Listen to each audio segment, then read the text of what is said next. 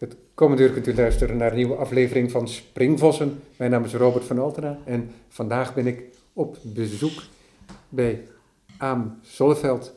Aam, dankjewel dat je me ontvangt. Ja, leuk dat je er bent. We hebben elkaar in het verleden ook wel gesproken, ook voor Springvossen. Maar dat is alweer enige tijd geleden, dus het werd hoogst tijd dat we elkaar weer spraken. En Springvossen is ooit begonnen met de gedachte één uur, één gast, één kunstwerk. En dat heb ik ook wel eens losgelaten, maar ik probeer dat weer een beetje terug te brengen, omdat het ook voor enige helderheid zorgt. Mhm. En toen ik jou voor deze uitzending uitnodigde, toen vroeg ik jou ook om een werk uit te kiezen. En toen koos je, misschien ook wel heel vanzelfsprekend, een heel recent werk uit. Eigenlijk En- twee. Het twee recente Ja. werken eigenlijk. Ja. En het zijn publieke werken. Ja. Het zijn eh, ingrepen in een bestaande architectuur. Ingenieursarchitectuur, viaducten. Ja. Eentje in Eindhoven en één onder de A10, ring A10 West. In Amsterdam. N- niet zo ver van, verwijderd van het Olympisch Stadion, Mhm. als ik het goed heb. Ja, het? Schinkel. eh, Ja, luchthavenweg heet het ook, Ja. geloof ik, aan één, aan één zijde. Ja. ja. Doe je dat vaker, ehm, werk voor de publieke ruimte maken? ja, dat doe ik al, al best wel een tijdje. Dus ik denk dat we elkaar tien jaar geleden spraken. Is dat zo lang geleden? Ja, zoiets. Helemaal Ik aan het dat, begin van eh, deze Springvossen reeks. Ik heb dat vorig jaar voor het eerst eh, een keer teruggeluisterd. Want dat had ik destijds nooit willen luisteren. En volgens mij heb ik toen gesproken over een werk wat ik op de Jacob van... van de op de Kostverloren Kade, hoek Jacob van Lennepstraat maakte. Oh, daar fiets ik nog steeds heel vaak langs. Ja, Ja, ja, ja dat is op een, op een schuine kopse kant ja. aan die kade. Dus als je aankomt fietsen vanaf West, in Oud-West, eh, richting de Kinkerstraat en de brug over de Kinkerstraat, dan kijk je ook zo tegenaan. En wat we dan zien is een rasterwerk, dus tegen een gebroken witte achtergrond, Ja, Denk ik. heb je goed gezien, ja. wit, is er een rasterwerk, maar alles is meegenomen in het rasterwerk. Dus er staat een klein penhokje ja. voor, dat is ook meegenomen, opgenomen in het rasterwerk, waardoor alles plat wordt als het ware, op die façade. En werkend naar boven toe, en daar als een stralende zon, is er een ronde pigmentwolk, zou je Ja, eigenlijk moeten Ja, zeggen. dat is al mooi gezegd, ja. Ja, inderdaad, het loopt uit. Het is een, een gele stip, als een soort zon, die eh, naar de randen toe vervaagt. Ja, ja. En het is ook een soort baken bijna voor die schepen die daar varen, die vaart. Ja, precies, precies. En toen ik jou volgens mij vorig jaar een keertje sprak, toen zei ik, ah, dat werk, dat ziet er nog zo stralend uit. En toen zei je ook, ja, maar het is ook, dat pigment is ook net ververst. Dus nou, is- toen hadden we net schoon laten maken, volgens ja, mij. precies. Oké, dus hij is niet opnieuw ingeschilderd. Nee, nee eigenlijk, eh, ja, het is een heel goede verf die erop zit. Ja, eh. ja. Maar dat viel, me, dat viel dus op. Dus dan, eh, Hij staat er eigenlijk nog heel goed bij. Een mooi werk. En wat dan al naar voren komt, is dat de basis van je werk vaak of bestaande muur is, of je, je zorgt voor een wat neutrale ondergrond. En daaroverheen maak je een lijntekening, Mhm. vaak orthogonaal, maar je brengt ook wel eens dus ronde elementen in. Mhm. Meestal gewoon cirkels, als ik het, als ik het, als ik Mhm. het goed heb. Ja, dus een, een tekening op architectuur, waardoor er, vind ik vaak, een soort illusie ontstaat van dus een tekening, maar tegelijkertijd ook van een soort mogelijke ruimte. Alsof je in een virtuele ruimte zit. Ja, want ze zijn helemaal plat. Ja, ze zijn helemaal plat. Ja. Er, is, er, is, eh, er wordt geen diepte gesuggereerd. Nee, er, zijn geen, geen, perspectief. geen- er zijn geen perspectivistische lijnen. Nee, Ja. nee. En toch, en toch doen ze mee met de architectuur, ook die in dat geval eromheen staat. Ja, ja.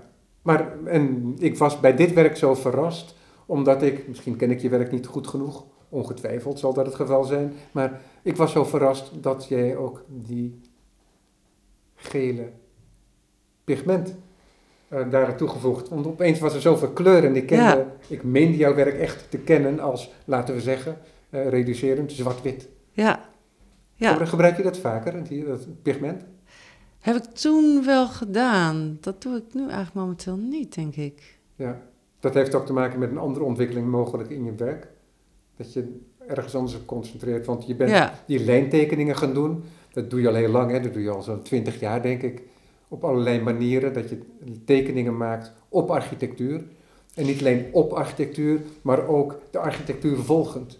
Ja, dat is dus bijna twintig jaar inderdaad. Zo lang al. Ja. Dat was in de, Ja. op die tijd in de Ja, Rijksacademie. je dat reageert is zo lang geleden. ontsteld dat het inderdaad al twintig jaar Ja, is. nou ja, dat is natuurlijk best wel, best wel ongelooflijk. Ja, Um, Dat er al zoveel geschiedenis is, eh, ja. Dat soort dingen. Ja, dat was heel interessant, want ik luisterde laatst naar een eh, radio-uitzending van, van een Franse radio. En dat ging over Lascaux, de grotten van Lascaux. Oh, daar ben ik En- geweest vorig jaar. Echt waar, Ja, ja. Oh, wat mooi. Ja, maar daar hebben ze, eh, ze hebben een hele reproductie Ja, gemaakt van de oorspronkelijke grotten, Ja. om de oorspronkelijke grotten te beschermen. Ja, Dus ook de architectuur hebben ze nagemaakt. ja, Ja, want wat ik daarvan begreep, want ik ben er niet geweest, is dat die mensen die dat gemaakt hebben, dat is variërend geloof ik tussen de, ergens tussen de 30 40.000 jaar geleden, ja, maar ongetwijfeld zullen er ook wel jongere fases zijn, maar is dat die tekeningen die daarop aangebracht zijn, soms ook gebruik maken van de architectuur. Dus dat ze de welvingen gebruikt hebben om bepaalde eh, Ja, leven en ja. bepaalde elementen tot uitdrukking te Ja. brengen. Dus die deden eigenlijk al wat jij ook doet. Dat vond ik, Nou, dat is grappig dat je het zegt. vond Ja. ik heel opvallend. Ja. ja, dat is ook wel zo. Ik vond het heel. eh, het is natuurlijk, je hebt twee ervaringen daar. Hè? Je kijkt en naar werk van mensen van 30, 40.000 jaar geleden. Van hoe gingen zij met die grot om? Hoe, heb- hoe hebben zij zich hier gevoeld terwijl ze aan het werk waren? Hè, wat was de betekenis? Ja, je probeert je erin te verplaatsen, ook in, in, de makers. En tegelijkertijd is het ook heel raar dat je in- ook weer in een replica staat. Dus, dus je staat niet in het echte ding, en, Ja, en, maar het lijkt wel zo. ja. Ja. ja. je zit, in- het is ook waarschijnlijk geen grot, het is een, in een architectuur. Ja, maar je krijgt wel het idee dat je in een god zit. Ja, maar ook humiditeit en zo, eh, bijvoorbeeld, dat is Ja. toch anders. Ja, dat is waar. Zijn Ja, dat is waar, ja. Ja, maar dat je het überhaupt nog kan zien, dat is al heel wat. Ja, Toch? ja. Trouwens hebben we daar ook eh, bepaalde hele abstracte vormen. Er staan dus heel veel afbeeldingen van dieren. Ja. En ook, vreemd genoeg, dieren die ze dus daar niet... eh, waar ze niet op jaagden daar, die daar helemaal niet leefden. Oh, echt waar? Ja, dat is nog steeds een soort raadsel van wat zijn dan de betekenis van die dieren. Want het is dus, dus niet helemaal alleen maar uit het Ja. dagelijks leven gehaald. Maar die zijn misschien meegenomen, cultureel gezien, in de verbreding van de mens. Ze zijn meegereisd in ja. hun historie.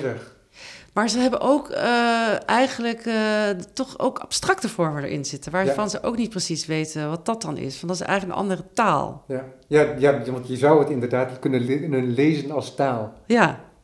Ja. En wat ik interessant vind is dat. ehm, eigenlijk ben ik in mijn werk ook steeds meer teruggegaan naar die basis. Ja. In die laatste tien jaar, denk ik. Ja. Wat ik eigenlijk begon met dat werk waar we het net over hadden op die kade. Ja. Ehm, dat, ehm, dat dat in alle volken eigenlijk ook zit. Die, die geometrische vormen die, die lijken soms misschien zakelijk of, of cool.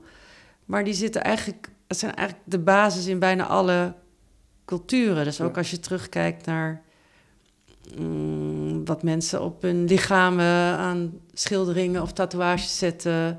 Die natuurlijk niet goed bewaard zijn, maar wel op keramiek Ja, de oudste tekeningen die bewaard zijn gebleven, dus nog van voor de Homo sapiens, Ja, en die, dat zijn ook inderdaad grafische ja, tekeningen. Dat zijn geen mimetische representaties van mens of dier of natuur. ja, Dus in die zin gaat, zo je wilt, abstractie vooraf aan de figuratie. Ja. De figuratie was een ontwikkeling van later datum. En ik had laatst ook een gesprek met Remy Jongerman. Oh ja, En ken ik. die probeert ook een soort synthese te maken tussen, laten we zeggen, modernisme van Mondriaan en, Dat is waar, en, ja. die, en die troep Ja. met de kunst van de Afrikaanse Surinamers. Ja, een soort tribale Dus kunst. die, die de slaven hebben meegenomen. En hij zegt ook ja, dat de, heel veel van de abstracte vormen die daarin tot uiting komen, ook heel eenvoudig van de schering en inslag van weefsels komen. Mhm, mhm. Ja, Ja, ja. Dus het is natuurlijk altijd... Ja, weven is natuurlijk patroon maken. ja, ja, en dat is ook een raster al. En, Ja. ehm, dus in die zin is daar wel een relatie. Oh, zou ik die relatie in jouw werk niet als zodanig lezen? Hè? Als die al aanwezig is, dan is dat misschien ehm, bij overeenkomst van motief soms, maar niet zozeer eh, als basis waar jouw werk uit is voortgekomen. Mm, Ja, nou, ik zie denk ik toch een link ook wel met de natuur. Want daar, dat bestaat natuurlijk ook voor een groot deel uit patronen. Ja. En dit is een eh, hele verre uitkleding van alle... waarbij alle extra informatie is weggelaten. Ja, ja dit als in, in jouw werk. Ja, Ja. denk ik. Laten we naar die viaduct gaan in Amsterdam-West. Ja. Het is een doorgang van zo'n 75 meter, hè? Mhm. Van, denk ik. Een hele lange muur aan weerszijden Ja. van het viaduct. En het is ook een vrij breed viaduct volgens mij. ja, dus er rijden auto's doorheen. En dan heb je twee fietspaden en heb je nog vrij brede stoepen. Ja. Ja. Is er een onderscheid voor jou tussen autonoom werk en zo'n werk in de publieke ruimte? Ik werk eigenlijk altijd met de locatie. Dus een plek heeft iets nodig. En, en dat maakt dus eigenlijk niet zoveel uit. Dus in een eh, tentoonstellingsruimte kijk ik ook naar eh, wat er met een plek moet gebeuren om die te transformeren. Ja, ja, want je hebt in 2015, meen ik, in D139 bijvoorbeeld, een enorm werk gemaakt. Want Ja. dat besloeg de hele achterruimte van D139. En de Nou, voorruimte trouwens. En de voorruimte. En als, als, dat is echt een... Die ruimte die is prachtig, maar die is tegelijkertijd ook onmogelijk. Omdat die heel vaak de werk wat daar te zien is verpletterd. Ja, En jouw werk was ook daar zo aanwezig om die ruimte ook beheersbaar te maken voor een tentoonstelling die eigenlijk als het ware plaatsvond in jouw werk en jouw werk ook transformeerde. Dan gaan we het niet helemaal over dat ding hebben, aha. maar dat is dan een voorbeeld van een werk in, eh, in een kunstruimte. En dan nu maak je een werk voor zo'n viaduct, maar in de benadering verandert het niet zoveel dan, als ik het goed begrijp. Nou, in het geval van Wereld 39 was het natuurlijk een, een bijzondere werk. In die zin dat ik daar dus niet alleen met de ruimte te maken had, maar ook met die andere kunstwerken die erin Ja. kwamen. Ja, dus dan heb, is er, komt er nog een laag bij. Ja, ja. Maar het verschil is natuurlijk met de, in de openbare ruimte eh, moet iets heel lang meegaan. Dus je, hebt, je, je wil iets maken waar je ook na een paar jaar nog blij mee bent. Dus in die zin, maar dat is interessant, want wat, Ja. ik ga, nu ga ik je onderbreken. Ja. Wat betekent dat? Betekent dat dat je minder risico gaat nemen? ehm, dat weet ik eigenlijk niet. Dat weet ik eigenlijk niet. Want nee, maar er zitten meer dingen aan. Misschien moet ik dat eerst zeggen van... Ik vind zo'n tunnel eigenlijk op zich is die al mooi, hè, op zichzelf. Ja. Maar wat er gebeurt is dat, eh dat die s'avonds eh een, een onheimische plek is. En daar moeten mensen doorheen lopen en fietsen. En er worden graffiti's ingezet. En daardoor krijgen mensen misschien nog meer het idee... dat er niet zo naar ze wordt omgekeken in die tunnel. ja, die krachtige vorm van die ingenieursarchitectuur, om het zo maar te Ja. noemen. In- ingenieurskunst is het ook. Hè? Zo beschouwen ze het denk ik, Ja. althans zelf vaak. Die wordt een beetje ongedefinieerd in het avondlicht. Precies. Hè? Met de lantaarnpalen die niet het geheel uitlichten. Nee, en dan is die dus ook niet zo voor de menselijke maat gemaakt. Als je dus die 75 meter lopend in het best wel donker moet, eh, moet eh, Overbruggen. overbruggen, ja. En ehm, het plafond is trouwens heel mooi van die tunnel. Dus, dus dat is echt wel een kunstwerk op zich. Maar die wanden, eh, daar kwam dus de, een opdracht voor vanuit het stadsdeel. Dat zij wilden de veiligheid vergroten. Dus dat was eigenlijk, was eigenlijk de vraag was niet zozeer dat ze zo graag kunst wilden. Ja. Maar ze wilden eigenlijk de veiligheid vergroten. En, en dat snap ik wel. Dus Ja. ik snap wel dat er, dat er zo'n soort doel ook... Want ik vind dat zelf ook belangrijk. Dus ik vind ook dat je het werk dan in dienst stelt van, van zoiets functioneels als je ervaring daar. Ja. ja, want dat is wezenlijk anders dan een werk wat op de zijmuur staat, op de zuidelijke muur, meen ik, van OLVG West, het ziekenhuis. Ja, Hè, dat is inmiddels omgedoopt, het heette nog anders, dat heette Lucas Andreas toen je het maakte, denk ik. ja dat Eh, maar hè, dat, dat is, heb je een werk gemaakt dat juist overdag donker is, een donkere lijntekening, Mhm. en s'avonds eh licht het op. ja, dan wordt het een witte Ja, lijn. maar dat is wezenlijk anders. Omdat het in die zin een heel andere functie heeft. Ja, maar daar heeft het ook een functie. Want eh, het is de gevel van de spoedeisende hulp. En het zit aan de zijkant van het ziekenhuis. Dus eigenlijk, Een dichte gevel, meen ik ook. ja, dichte gevel. Er zit eigenlijk niks achter. Ja, Ja. een, trappen, een noodtrappenhuis. Dus er zitten geen ramen in. Dus het brengt die kant van het gebouw tot leven, als het. Ja, want eigenlijk was dat een, eh, een hele onlogische plek. Dat zo'n belangrijke eh, locatie als die, als die spoedeisende hulp... Geen gezicht had. had geen gezicht. Ja. Die zat eigenlijk aan de zijkant weggestopt. Ja. En, en dat was dus eigenlijk mijn doel, om die, dat wel te maken. En dan, daarom moest het ook s'avonds goed zichtbaar zijn. Zodat het echt gemarkeerd werd. Zodat je dat, dat er geen misverstand is, Ja. dat daar iets belangrijks zit. Ja, dat is toch interessant inderdaad. hè, Dat, je, dat is een soort correctie, zou ja, je kunnen is zeggen. een correctie, of een ja. Dat is grappig, ja. op, eh, op architectuur of de stedenbouwkundige ruimte. Ja. Ja. Nou, en zo zag ik dat bij het ziekenhuis ook wel, omdat dat, eh, dat is ontstaan. Dat is niet in één keer ontworpen, maar dat is telkens door de jaren heen uitgebreid. En in elke tijd hadden ze natuurlijk weer een ander idee over eh, wat voor architectuur dat dan was. En dat was natuurlijk vaak heel praktisch, want ze moeten natuurlijk gewoon eh, extra eh, verdiepingen hebben, extra eh, ruimtes hè, om Ja. mensen te verplegen. Ehm, en dat daardoor was het een beetje een, ja, een beetje een mengelmoesje geworden van allerlei ideeën en maten. En, en dat probeerde ik eigenlijk weer een beetje bij elkaar te brengen met dat werk. Dus dat is wel iets. Oh, dus die architectuur, die was een mengelmoes geworden. Die architectuur ja, van dat ziekenhuis. ja, dus dat, niet jouw idee voor het werk daar, maar de nee, architectuur. die architectuur. Omdat Ja. dat dus in verschillende tijden gebouwd is. Ja, dat is vaak een probleem met architectuur. Dat het iets is, wordt bedacht en in de loop van de tijd worden er allerlei dingen aangepast en toegevoegd, zoals je nu aangeeft. En dat een soort oorspronkelijke helderheid en ehm, ook een soort redelijkheid in de functionering, die raakt langzamerhand aangetast inderdaad. Ja, Ja. ja. omdat ze altijd praktisch hebben gedacht van we moeten dat ziekenhuis Ja. efficiënt meer ruimte geven. Ja. Tegen waarschijnlijk niet hoge kosten. Dus dat idee van dat ziekenhuis wat je ziet als je aankomt, dat is een mooi gebouw. Maar Ja. vanaf de zijkant is het een ander verhaal. Ja. Dat is toch interessant hè, dat jij, want je werkt overdag mee plat. We komen er wat te spreken over het feit dat er ook andere ontwikkelingen in je werk zijn.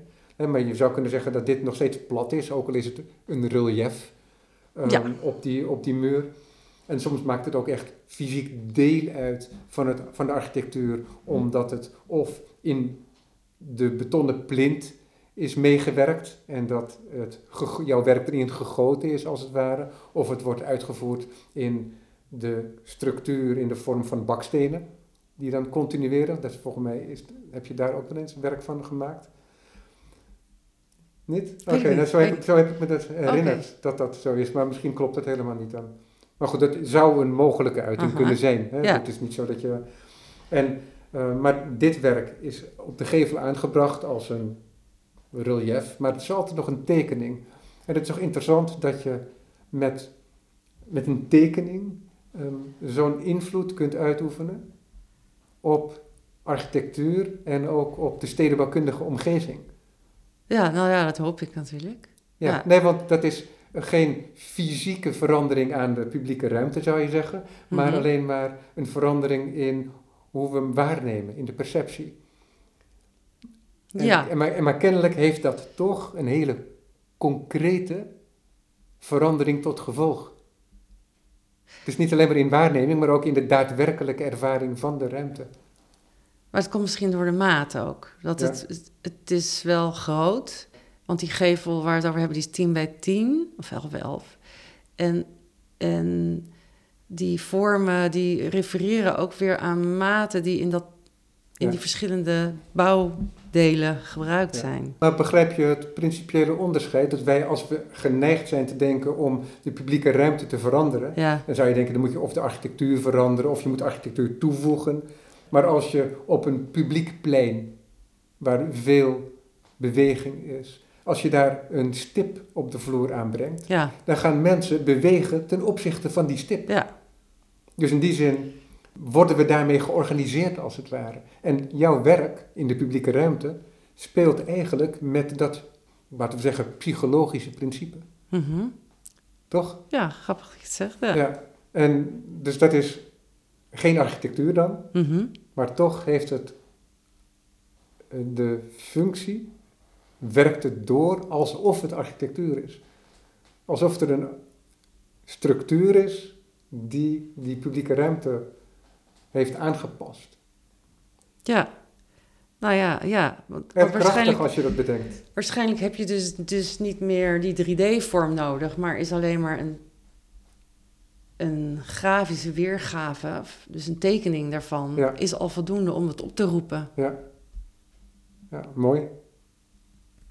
Om dat te beseffen en ook om dat dan in een relatie te brengen tot jouw werk. En dan in het geval van die viaduct, want dan gaan we weer vanaf die blinde muur van het ziekenhuis nog iets zuidelijker naar, de, naar het viaduct. Aha. Dat net is opgeleverd volgens mij. toch? En dat voor de zomer. Voor de zomer. Ja. Ja. Nou, dat vind ik toch net. Ja, ja best recent. Ja.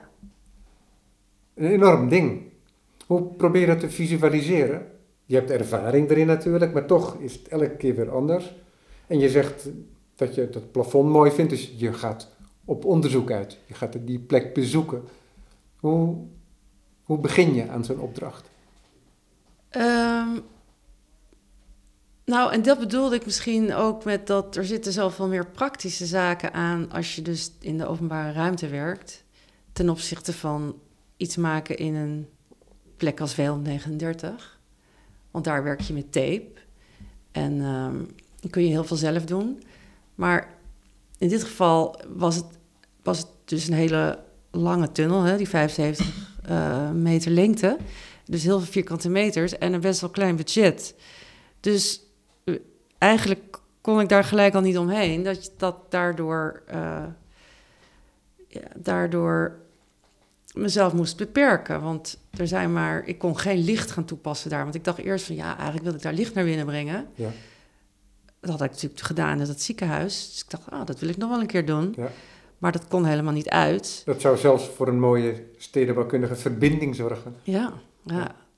Maar ook ingewikkeld, omdat deze tunnel is vrij laag. En als je dat dan... Ja, ten opzichte van de lengte die het heeft, is het vrij laag. Precies. En als je dan eh, iets ook nog weer helemaal hufterproof moet maken, dan is dat natuurlijk ingewikkeld. Ja. En met name duur. Dat precies, ja, duur. Ja. Ja. Nou, daar was allemaal helemaal geen budget voor. En, ehm, en dat het dus licht moest worden, kon dus niet op een andere manier dan, dan dat zo licht mogelijk te maken. Met verf in dit geval. Ja. Dus dan heb je al een soort van een uitgangspunt. Dus het moet een lichtwerk worden. En zo worden er steeds meer kaders gezet die eigenlijk het, het vorm ook gaan bepalen. Dus eh, ja, dat zijn eigenlijk ook wel mooie dingen. Dus dat je te maken hebt met al die kaders, die, die omgeving en budgetten.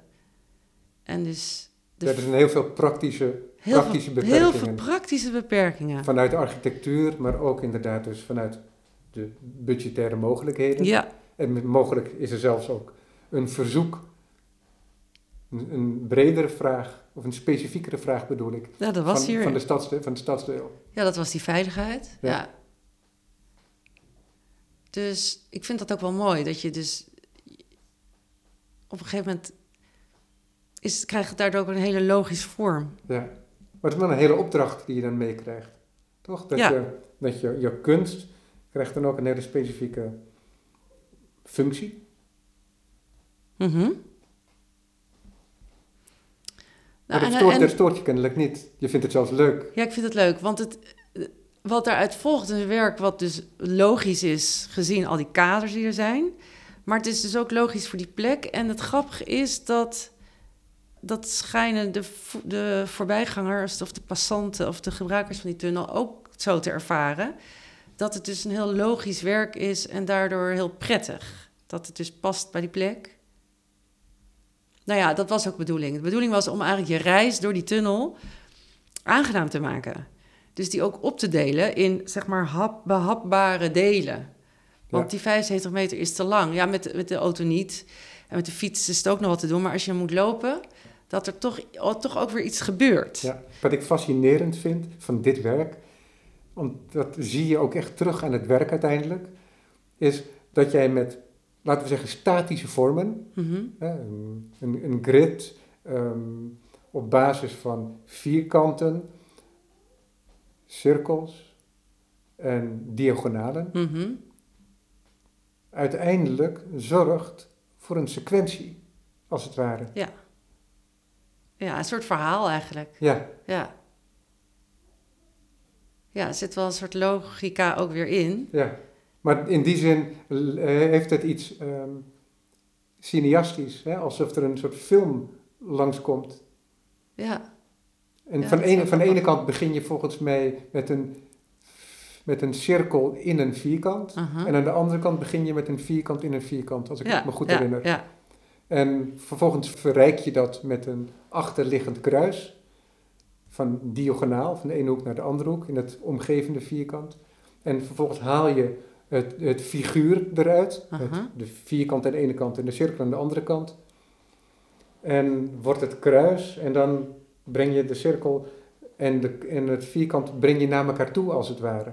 En dat is heel mooi, want ook in historisch opzicht zijn dat een soort tegenpolen. Hè? En er is ook een, de basisvormen in de geometrie, zijn de cirkel en het vierkant.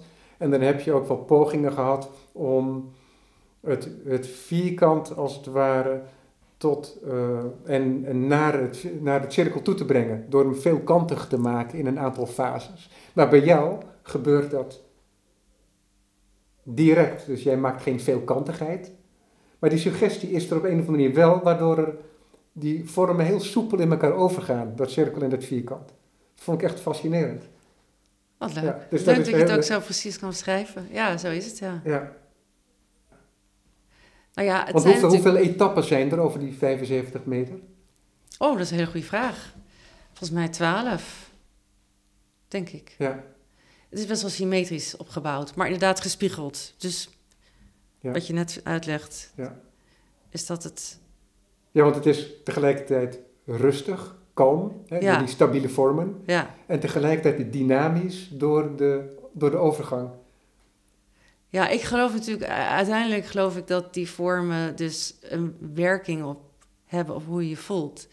Net zoals dat je in een ruimte altijd op een bepaalde manier gaat voelen. Dus Ja. dat zie je natuurlijk als je in een gebouw bent of bij iemand thuis bent. Zoiets beïnvloedt altijd je gevoel. Ja. En waar ligt dat dan aan? Ligt het dan aan de maten, aan de... aan- dat, dat fascineert mij altijd. Van waarom is iets een prettige ruimte en waarom niet? En uiteindelijk dat nog verder teruggebracht naar die... Naar meer basis dan basis dan dit wordt het niet, zeg maar. ja. Hoe je daarmee dus toch het gevoel ook weer kunt beïnvloeden. Ja. Ja, nee, dat is wel zo. Heel praktisch gezien bijvoorbeeld, mijn broer die woonde een periode van een jaar in afwachting van de bouw van zijn huis in een, eh, ja, in een architectuur die door iemand naast zijn huis was neergezet. En, ehm, maar heel praktisch, gewoon zomaar in elkaar geflanst. En dan zie je het belang van de architect. Want je voelde je echt zo volledig niet op je gemak in die architectuur. Want geen enkel raam en geen enkele deur zat op de goede plek. Ja, Dus je keek altijd of naar een blinde muur waar je een raam verwachtte. En dat had een enorm effect op mijn gemoedstoestand als ik daar zat. Eh, dus of een raam zit te hoog in de gevel. Bijvoorbeeld, Ja. maar dus, dus het kan heel snel al, en soms ben je er niet van bewust wat er niet werkt, Mhm. kun je al heel snel inderdaad ehm, beïnvloed worden door die omgeving. En dat is in de publieke ruimte ook zo. Mhm. Al is het zo dat we daar meer doorheen gaan, waardoor we daar minder vaak bij stilstaan. Maar misschien moeten we ons allemaal ook afvragen hoe we ons verplaatsen, bijvoorbeeld op de fiets door de stad, en wat voor routes we verkiezen en waarom dat zo is. En dat heeft ook dan vaak met dit soort zaken te maken. Ja. Nou, ik denk dat zo'n tunnel is toch wel... Je gaat er wel alleen maar doorheen, maar dat doet wel iets met je. Ja. Je voelt je natuurlijk wel net anders in zo'n tunnel waar het een beetje duister of grauw is. Ja. Dan wanneer je er weer uit bent. Dus, nou ja. En jij maakt dan een model op schaal, doe je dat in de computer of doe je dat op papier? Ja, vroeger deed ik dat altijd nog op papier, maar dat doe ik nu toch wel in de computer. Ook een initiële tekening, dat maakt alles in de computer. Nee, nee, nee. Of maak je wel krabbels? Maken ook zeker schetsen, zeker. Ja, dat gaat toch veel sneller. Ja. En ook leuker. Nee, ik hou eigenlijk niet zo heel erg van te veel in de computer werken. Ja. Maar het is natuurlijk wel makkelijk. Nou, wat ik ook doe, is dat ik ook ter plekke een stukje uitzet met tape. Omdat ik de, de maat wil bepalen. Dus ik wil ook zien van, oh, maar hoe, breed moet zo'n lijn zijn? Ja. Eh, nou ja. Ja. En we hebben trouwens ook testen gedaan, want er was nog een heel gedoe. Het, lijkt heel simpel, hè? Oh, we, we schilderen gewoon die tunnel. Ja. Maar het was echt eh, heel ingewikkeld. Want Nee, maar dat is iets wat ik, eh, wat ik, een voorbeeld wat ik heel vaak heb aangehaald voor deze microfoon. Ik maar doe het toch maar, nog maar een Ja. keer, omdat het toch verhelderend werkt. Is dat je Roy Lichtenstein, die maakte onder andere van die blow-ups van eh, striptekeningen Aha. uit, uit kranten. En, en dus er ook het rasterwerk nam hij daarin mee. En nou, we kennen het denk ik allemaal wel. En de, een van die tekenaars van de oorspronkelijke strip, die heeft ook wel eens, net als Lichtenstein met zijn werk had gedaan, ook zijn werk vergroot. Om te zien wat dat dan betekende. ja, En hij zei achteraf ook, ja, die van Lichtenstein is beter, de uitvergroting. ja. Dus het is niet zomaar iets groter maken. nee, nee, nee, ik Dat- snap dat, het. dat is echt heel vaak zo met dimensies überhaupt. We zitten op een bepaalde stoel, die is ontworpen door iemand. En als je die groter zou willen maken, wat tegenwoordig heel veel met klassiek modernistische meubels gebeurt, dan is dat niet zomaar dat je alles een slag groter maakt. Want dat Mhm, functioneert niet. mhm. Dus Ja. dan moet je die dim- dimensies gaan aanpassen. En zo is het dus ook met jouw lijnen bijvoorbeeld. En de grootte van de kaders die je gebruikt. En de, de breedte dus van de lijnen. Hoe dat functioneert. Ja, en dat is, dat weegt heel nauw. En ook met de consequenties die het heeft in de uitwerking van het werk. Ja, ja, nou dan was het dus ook nog technisch een ding. Van, je, je wil eh, strakke lijnen hebben op een wand die niet helemaal vlak is. Ja. Want het was eigenlijk een, een baksteen. En, eh, Is het nog steeds baksteen? Ja, is het is nog steeds te baksteen. zien? ja, het zijn bakstenen. Ja. Maar dat... eh, Ja, want je zou de, kunnen, voor kunnen kiezen hè, om, de, om dat Te te, bewerken, te stukken en weet ik wat daar allemaal. was allemaal geen budget voor. Nee, maar eigenlijk is dat ook mooi, omdat dat het werk puurder maakt. Hè? Omdat het zit op die baksteen, op die structuur, die architectuur die er al was. Ja, ja, nou ja, ik vind er ook wel iets voor te zeggen om dat dus niet te doen. Ja, Om te zeggen, daar moet je eigenlijk van afblijven. Ja, of je moet het helemaal aanpassen. Ja. Maar ja, dat, dat, soms moet je gewoon concessies doen. ja. Maar die lijn moest nu, wel als- strak als, het- worden. Als het budget er wel was, Ja, had je het dan liever gestukt of had je het dan zo gedaan zoals het nu is uitgevoerd? Ja, dan had ik liever alles aangepast. Want ik had eigenlijk op de straat had ik ook het hele patroon willen doorzetten. Tenminste, niet op de Ja. straat waar gereden wordt, maar wel op die op de stoep. trottoir. Dat was ook het eerste plan. Ja, Ja, ja. om echt een helemaal een ervaring van te maken. Ja. ja, wat jouw werk ook echt, wat ook een fantastische toevoeging is aan je werk, omdat je dan echt Je bent in het werk. in het werk Ja, staat. En dan nog veel meer. Maar dat heeft zo'n gekke uitwerking, omdat het, ik gaf het misschien al eerder aan, helemaal in het begin van het gesprek, alsof je in een virtuele ruimte begeeft. Dus het wordt tegelijkertijd plat. En een, een, ik begeef me als het ware in een, op een tekenvel, in een platte ruimte. Ja, ja dat En, is maar het, tegelijkertijd is het ook zo dat die virtuele ruimte als in de fysieke ruimte wordt geprojecteerd en alsof je in zo'n hologram wandelt.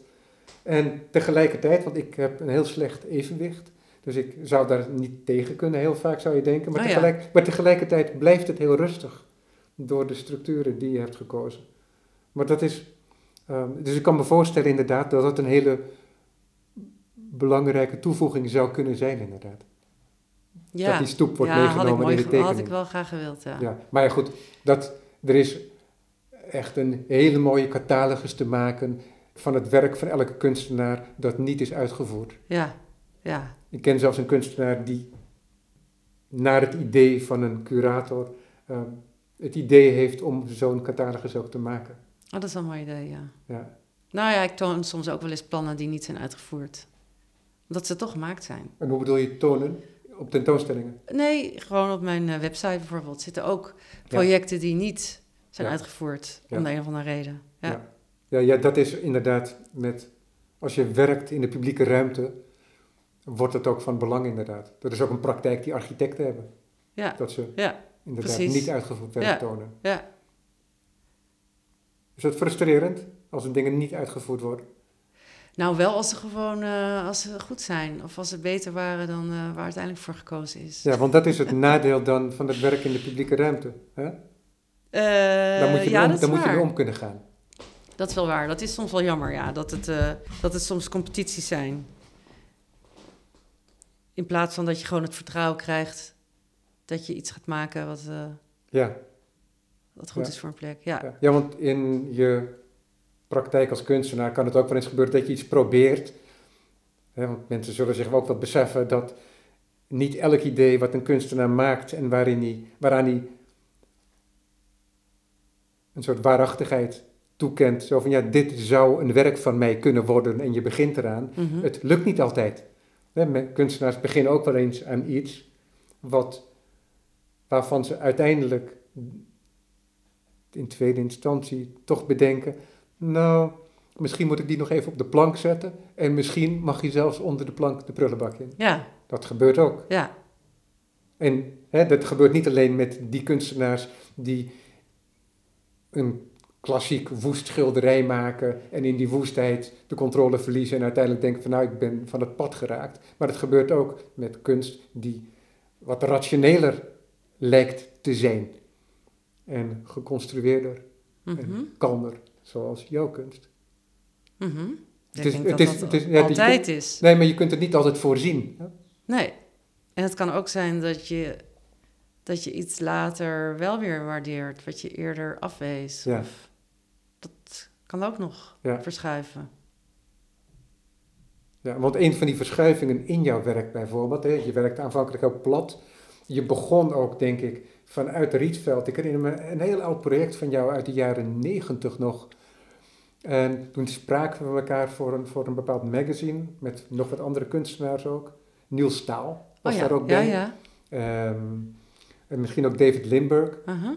En toen liet jij een werk zien dat ook gefilmd was. Dus het was en een installatie met enorme vellen papier, die jij met grafiet had bewerkt. Geen lijnen, maar vlakken, wolken van grafiet als het ware. En die waren opgesteld in een hele grote ruimte. En daar werd in één vloeiende beweging, volgens mij, als ik het me goed herinner, werd daar ook een film van gemaakt. Dus Mhm. het bestond als tekeninstallatie. Ja. Waardoor het ook een soort architectuur werd, daar waar eigenlijk geen architectuur was, maar ruimte of opgeroepen ruimte op de vellen. De architectuur bestond misschien uit de eh, statieven die die tekening omhoog hielden, kartonnen. En tegelijkertijd werd het ook een film. En van daaruit ben je eigenlijk helemaal naar de andere kant van het spectrum gegaan, Ja. naar de klare lijn. Nou, het is eigenlijk wel grappig, want dat was eigenlijk een tussen... Het is eigenlijk best wel een mooi, mooi video, dat. Ja, dat is het eerste werk wat ik van je Ja, zag, is moet ik daar ja. aan toevoegen. Ja, het was, die maakte ik voor een eh, tentoonstelling. eh, of eigenlijk was het geen tentoonstelling, het was meer een, een avond waar kunst getoond werd. En toen dacht ik, ja, nou, als mensen dan zitten op stoelen, hoe laat ik dan een werk zien eh, wat op papier is? Moeten dan, eh, moeten dan mensen dat zo dragen en dan zo eh, dat publiek tonen en dan weer eh, doorlopen als een soort eh, eh, modeshow-achtige vorm? Maar eh, of de ronde mis die zo'n Ja, ja, bord ophoudt ja. en dan in dat geval... eh, ik dacht, kan je het zo tonen? Of, of wat, wat vind ik eigenlijk belangrijk? En toen besefte ik me dat, dat ik het tonen van één werk, eh, dat, vind ik, dat vond ik vaak moeilijk. Want ik wilde het eigenlijk liever ook tonen zoals het in mijn atelier was, waar sommige werken eh, staan daar nog omdat er nog aan gewerkt moet worden, andere eh, liggen op stapels. Ja, dus en het is als het ware... niet. Ja, dus ook al vindt het zich plaats op een vel dat afgebakend is van de ruimte, dan is het toch een soort werk in situ. Hè? Net als bij Matisse. Dan wordt zo'n, die knipsels die worden dan losgemaakt en die komen dan in de collectie van het stedelijk. En af en toe worden ze dan getoond. Maar als je dan op diezelfde zaal, herinner ik me nog van die tentoonstelling in het stedelijk een jaar of vijf geleden, de foto's ziet van hoe die geknipte werken in de studio in Nice van Matisse waren, Ja, waren ze veel mooier. ja. Dus ik kan me inderdaad voorstellen dat zo'n werk zich ook hecht aan de plaats waarin het gemaakt wordt dan en in de omgeving ook. Maar En het daar ging, mij ook over de, het ging mij ook over de hoeveelheid, over de, wat de werken ook weer met elkaar deden. En ook de tekeningen die je misschien niet zag, maar, er, maar je wel wist dat die ook daar waren. Ja. Onge, zonder, ja. Ja, dan heb je bijna een soort kapel nodig, zoals er van werk bestaat van, ehm, van eh, Agnes Martin bijvoorbeeld. Waarin architectuur is gemaakt waarin een hele groep werken van haar te zien is. Ja? Om een keer een ander voorbeeld te noemen dan Ja. Mark Rothko. ja. Ik vond het niet meer werken toen om tekeningen op een muur te hangen in een tentoonstelling. En omdat er vervolgens iets anders ging gebeuren. Er ging toch iets. ehm, dat werk kreeg een nieuwe relatie in, tot die nieuwe ruimte waar het zich in bevond. En dat vond ik dan iets waar ik liever op had willen anticiperen. Ja. En dat probeer ik dus in eerste instantie met die video, met die, met die penbeweging. Ja. Je En later besloot ik dus om die ruimte tot tekening te maken, Ja. om dat op te lossen. Ja, nee, precies. Want wat heel interessant is hieraan is ook dat die tekening, als ik het me goed herinner, maar, en ik weet ook niet of het alleen maar zo was, maar dat heel veel van die tekeningen, want het waren enorme dingen, Ja, sommige waren wel meters Ja, hebben we het over. Hè? Ja. Hoger, dan, hoger, hoger dan ik zelf ben. Ik ben eh 1,88, dus die dingen die waren nog groter volgens mij en zeker nog breder. En, maar die waren opgesteld ook in het centrum van de- zo'n grote ruimte, niet alleen aan de muren.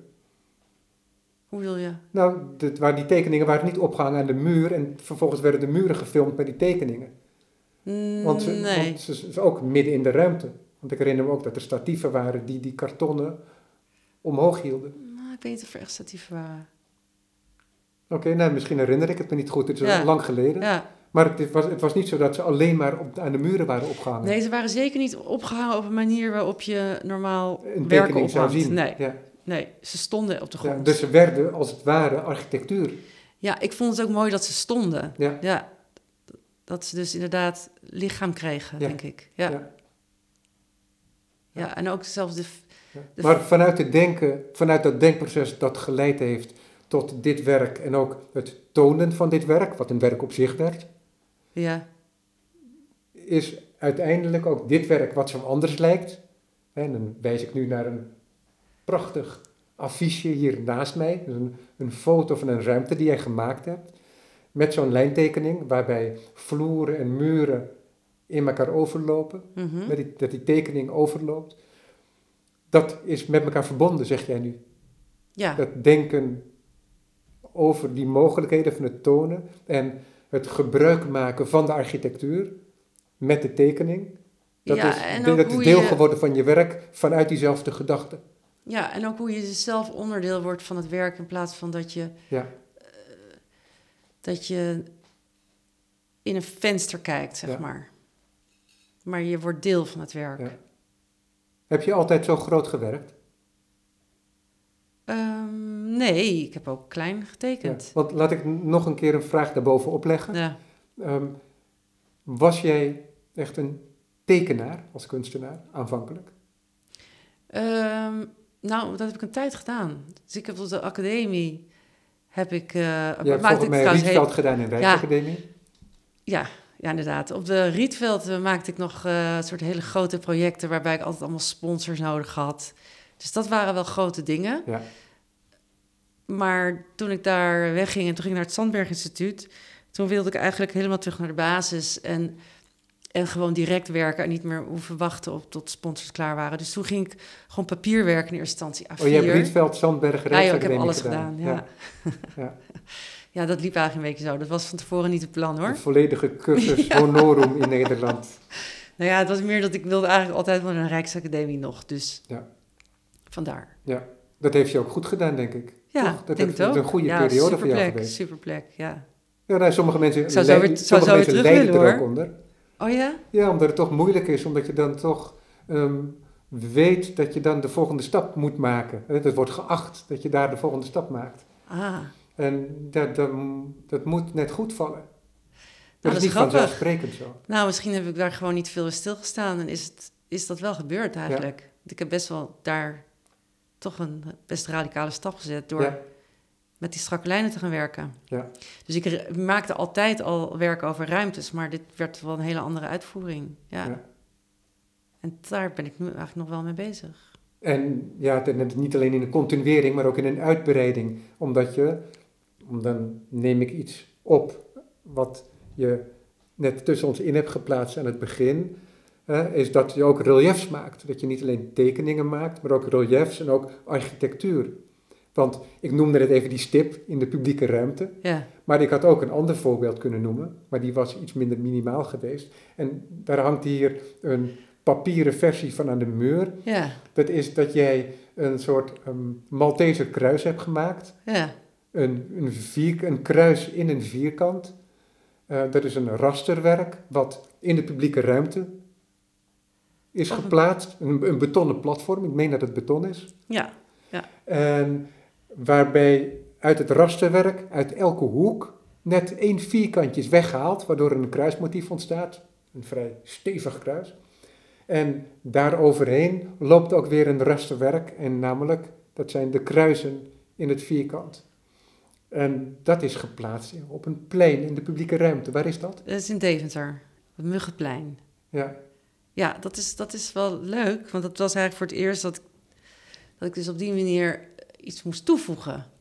Dus normaal krijg ik een wand of een vloer of een, of een plek. En dit keer ehm, was de vraag iets voor het plein te maken. En vond ik dat dat op het plein moest staan, in het midden. ja, Niet, trouwens, het staat niet in het midden, maar het staat ergens in die middenruimte. En, ehm, en wilde ik ook wel dat het een functie had voor, de, voor dat plein en daarmee ook voor de, de gebruikers van het plein, de bewoners. Ja. En het was dus voor het eerst dat ik mijn eigen vorm daarvoor moest maken. Wat ik eigenlijk wel een hele leuke uitdaging vond. En het is inderdaad beton geworden. Maar dat zie je niet meer, want het heeft zo'n hoog contrast dat het eigenlijk. ehm, het lijkt bijna geen materie meer te zijn. ja. Maar is het net als hier em, helemaal wit met zwarte lijnen? Het heeft in het echt meer contrast. Ja, ja. En het is zo shiny als je daar bent dat het van een hele andere. Het lijkt gewoon een heel andere. Andere dimensie. Ja, dat lijkt het, ja. Ja. ja, maar dat is toch vaak het geval met jouw werk. Want het lijkt zo, laten we zeggen, concreet. Hè? Maar ehm, ehm, in, in die zin ook dat de illusie geen rol speelt. Het is wat het is. Aha, een, zwarte, ja. een zwarte lijn op een lichte ondergrond. Ja, Over het algemeen, hè? want dat gaat niet op voor elk werk. Maar er zit altijd die dimensie in die juist voortkomt uit een kunst vanuit de renaissance, hè, van het idee van het perspectief en de ruimtelijkheid. En ook al werkt jouw werk, is jouw werk helemaal plat, ehm, wij, het, het, roept altijd het idee op van een potentiële ruimte. Maar dat is zo gek, want we zitten al in de ruimte. En die verwarring, die lichtelijke verwarring die dat oplevert, dat is echt een enorme verrijking van, van het werk. Want jij werkt helemaal niet, eh, jij doet geen bijvoorbeeld perspectiefcorrecties. Nee. à la Dibbets bijvoorbeeld. Je past niks aan in die zin. Je voegt heel eenvoudig gewoon een tekening toe. Als het ware, in dit geval geef je die tekening een plateau in de publieke ruimte. Mensen kunnen erop zitten. Hoe hoog is het? Eh, 50 centimeter, 50. 50. Ja. Ja. Dus het is een Het is plateau. bedoeld ook om even op te gaan zitten ook. zitten. Ja. En dan, het, het, het, is er, het is, het is voor het plein. Het maar- is zelfs een soort podium is- wellicht. Ja, het is ook een soort, inderdaad, een soort sokkel. Zonder beeld erop. Ja. En ik vind het ook mooi dat, en dat is ook mensen in het werk, dat is hier eigenlijk ook weer. Dus dat, dat versterkt ook de, de mensen die, die ook weer in een tunnel zijn. Ja. Die, Die, zijn, versterken het werk. de die versterken het van werk en de mensen worden ook zelf versterkt door het werk. Ja. Dus je wordt eigenlijk, je wordt, nou kan ik het woord even niet vinden, maar je wordt versterkt door dat.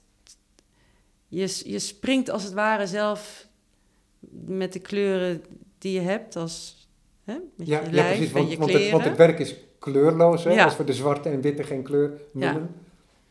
Dus ook als je op dat werk zit, het mag dus gewoon gebruikt worden, Ja. dat vind ik juist mooi, dan gaat dat ook een relatie met elkaar aan. Ja, ja. Ja, dus dan heeft dat die toevoeging van het pigment van het werk aan de kade Ja. in Amsterdam, Ja, die vindt al plaats door de mensen die in die ruimte bewegen. Hè, want ik heb nu ja, een, een mosterdgele trui aan ja, en ja, dat past heel natuurlijk als activering in, in jouw werk als het ware. ja, activering, ja, dat vind ik wel een mooi woord.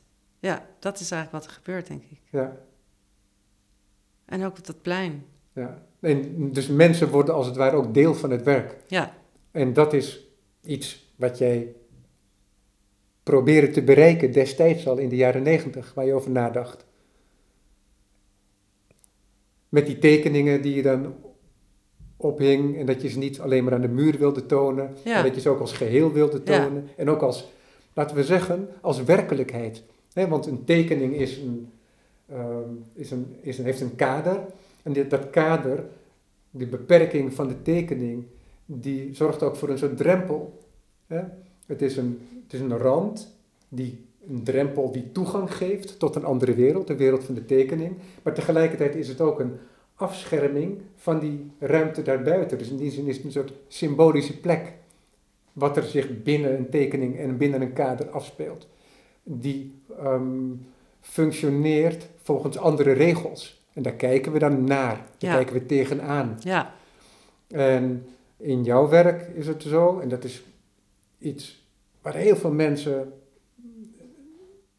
een bijdrage hebben geprobeerd te brengen in het naoorlogse. Maar misschien ook daarvoor al bij Liszitsky en Mondriaan, maar ook Doesburg. Dat je werken maakt, hè, dan denk ik aan de Obed. Dat hij van die prachtige, in een architectuur van die prachtige muurschilderingen heeft gemaakt. Waarbij je ook dus in het werk begeeft. mhm, Ehm, waardoor je niet meer tegen het werk aankijkt en waardoor je niet meer tegen iets aankijkt wat in een symbolische ruimte zit, maar het, die symbolische ruimte, daar bevinden wij ons in, want dat is onze werkelijkheid. En dat is eigenlijk een soort jaren zestig project. Hè? Ik deelde van de week een poster van Going to the Dogs, een theaterstuk van Mhm. Wim T. Schippers. ja, En dat is dat jaren 60 project dat de kunst al in de werkelijkheid zit. Dus alleen de kunst die is niet iets waar we tegenaan kijken, maar die wordt gevormd in ons hoofd. Dat is het idee van de objet trouvé, van Ja. de gedichten in de nieuwe stijl van Armando, Mhm. dat die flarden van gesprekken mhm. oppikt, uitschrijft en dan rangschikt. En dat is dan een gedicht. En ook bijvoorbeeld van een gebruiksaanwijzing van ehm, landbouwkundige instrumenten. Want het leven is al kunst. En het leven is ook kunst, alleen het is in ons hoofd wordt het werk gerealiseerd. Ja, En dat is eigenlijk bij jou ook zo, omdat onze perceptie van jouw werk in de ruimte verandert onze ruimte. Maar dat gebeurt in ons hoofd uiteindelijk. mhm. Alleen jij veroorzaakt het door jouw toevoeging daarin. Ja, dat is wel mooi. Ja. Maar goed, dat werk dus in Deventer, Dat is een nieuwe stap, hè, een van de nieuwe stappen in je werk die je af en toe neemt. Ja, En die dat eenvoudige principe van je werk zo verbreden. En waardoor je ook voor jezelf tot onvoorziene nieuwe perspectieven komt op je eigen werk. en ook weer door een opdracht. Dus dat vind ik eigenlijk toch wel leuk. Ja, En ik zie dat trouwens wel als een vrij werk. Ja. Dus, dus ik, ik, ik vind dat ik veel vrijheid heb binnen opdrachten. Ja. Dus daarom voelt het niet. eh, niet eh, maak ik daar ook geen verschil meer in. Dat deed ik eerst nog wel. Dat ik dan vrij werken en een werk en opdracht anders eh, op mijn website bijvoorbeeld anders groepeerde. Maar dat doe ik allemaal niet meer. ja. Ik word alweer veel te enthousiast van je werk, waardoor ik veel te lang aan het woord ben. En waardoor ik nu bedenk aan Nou. dat we aan het einde van Oh de ja, is opname het alweer zover? Ja. Oh. Goed. Maar goed, mensen kunnen het ge- gewoon zien. Ook al zijn de instituten dicht, jouw werk bestaat in de publieke ruimte. Ja, ja, kan je gewoon naartoe. Precies. Dankjewel, Amsterdam. Ja, jij ook bedankt.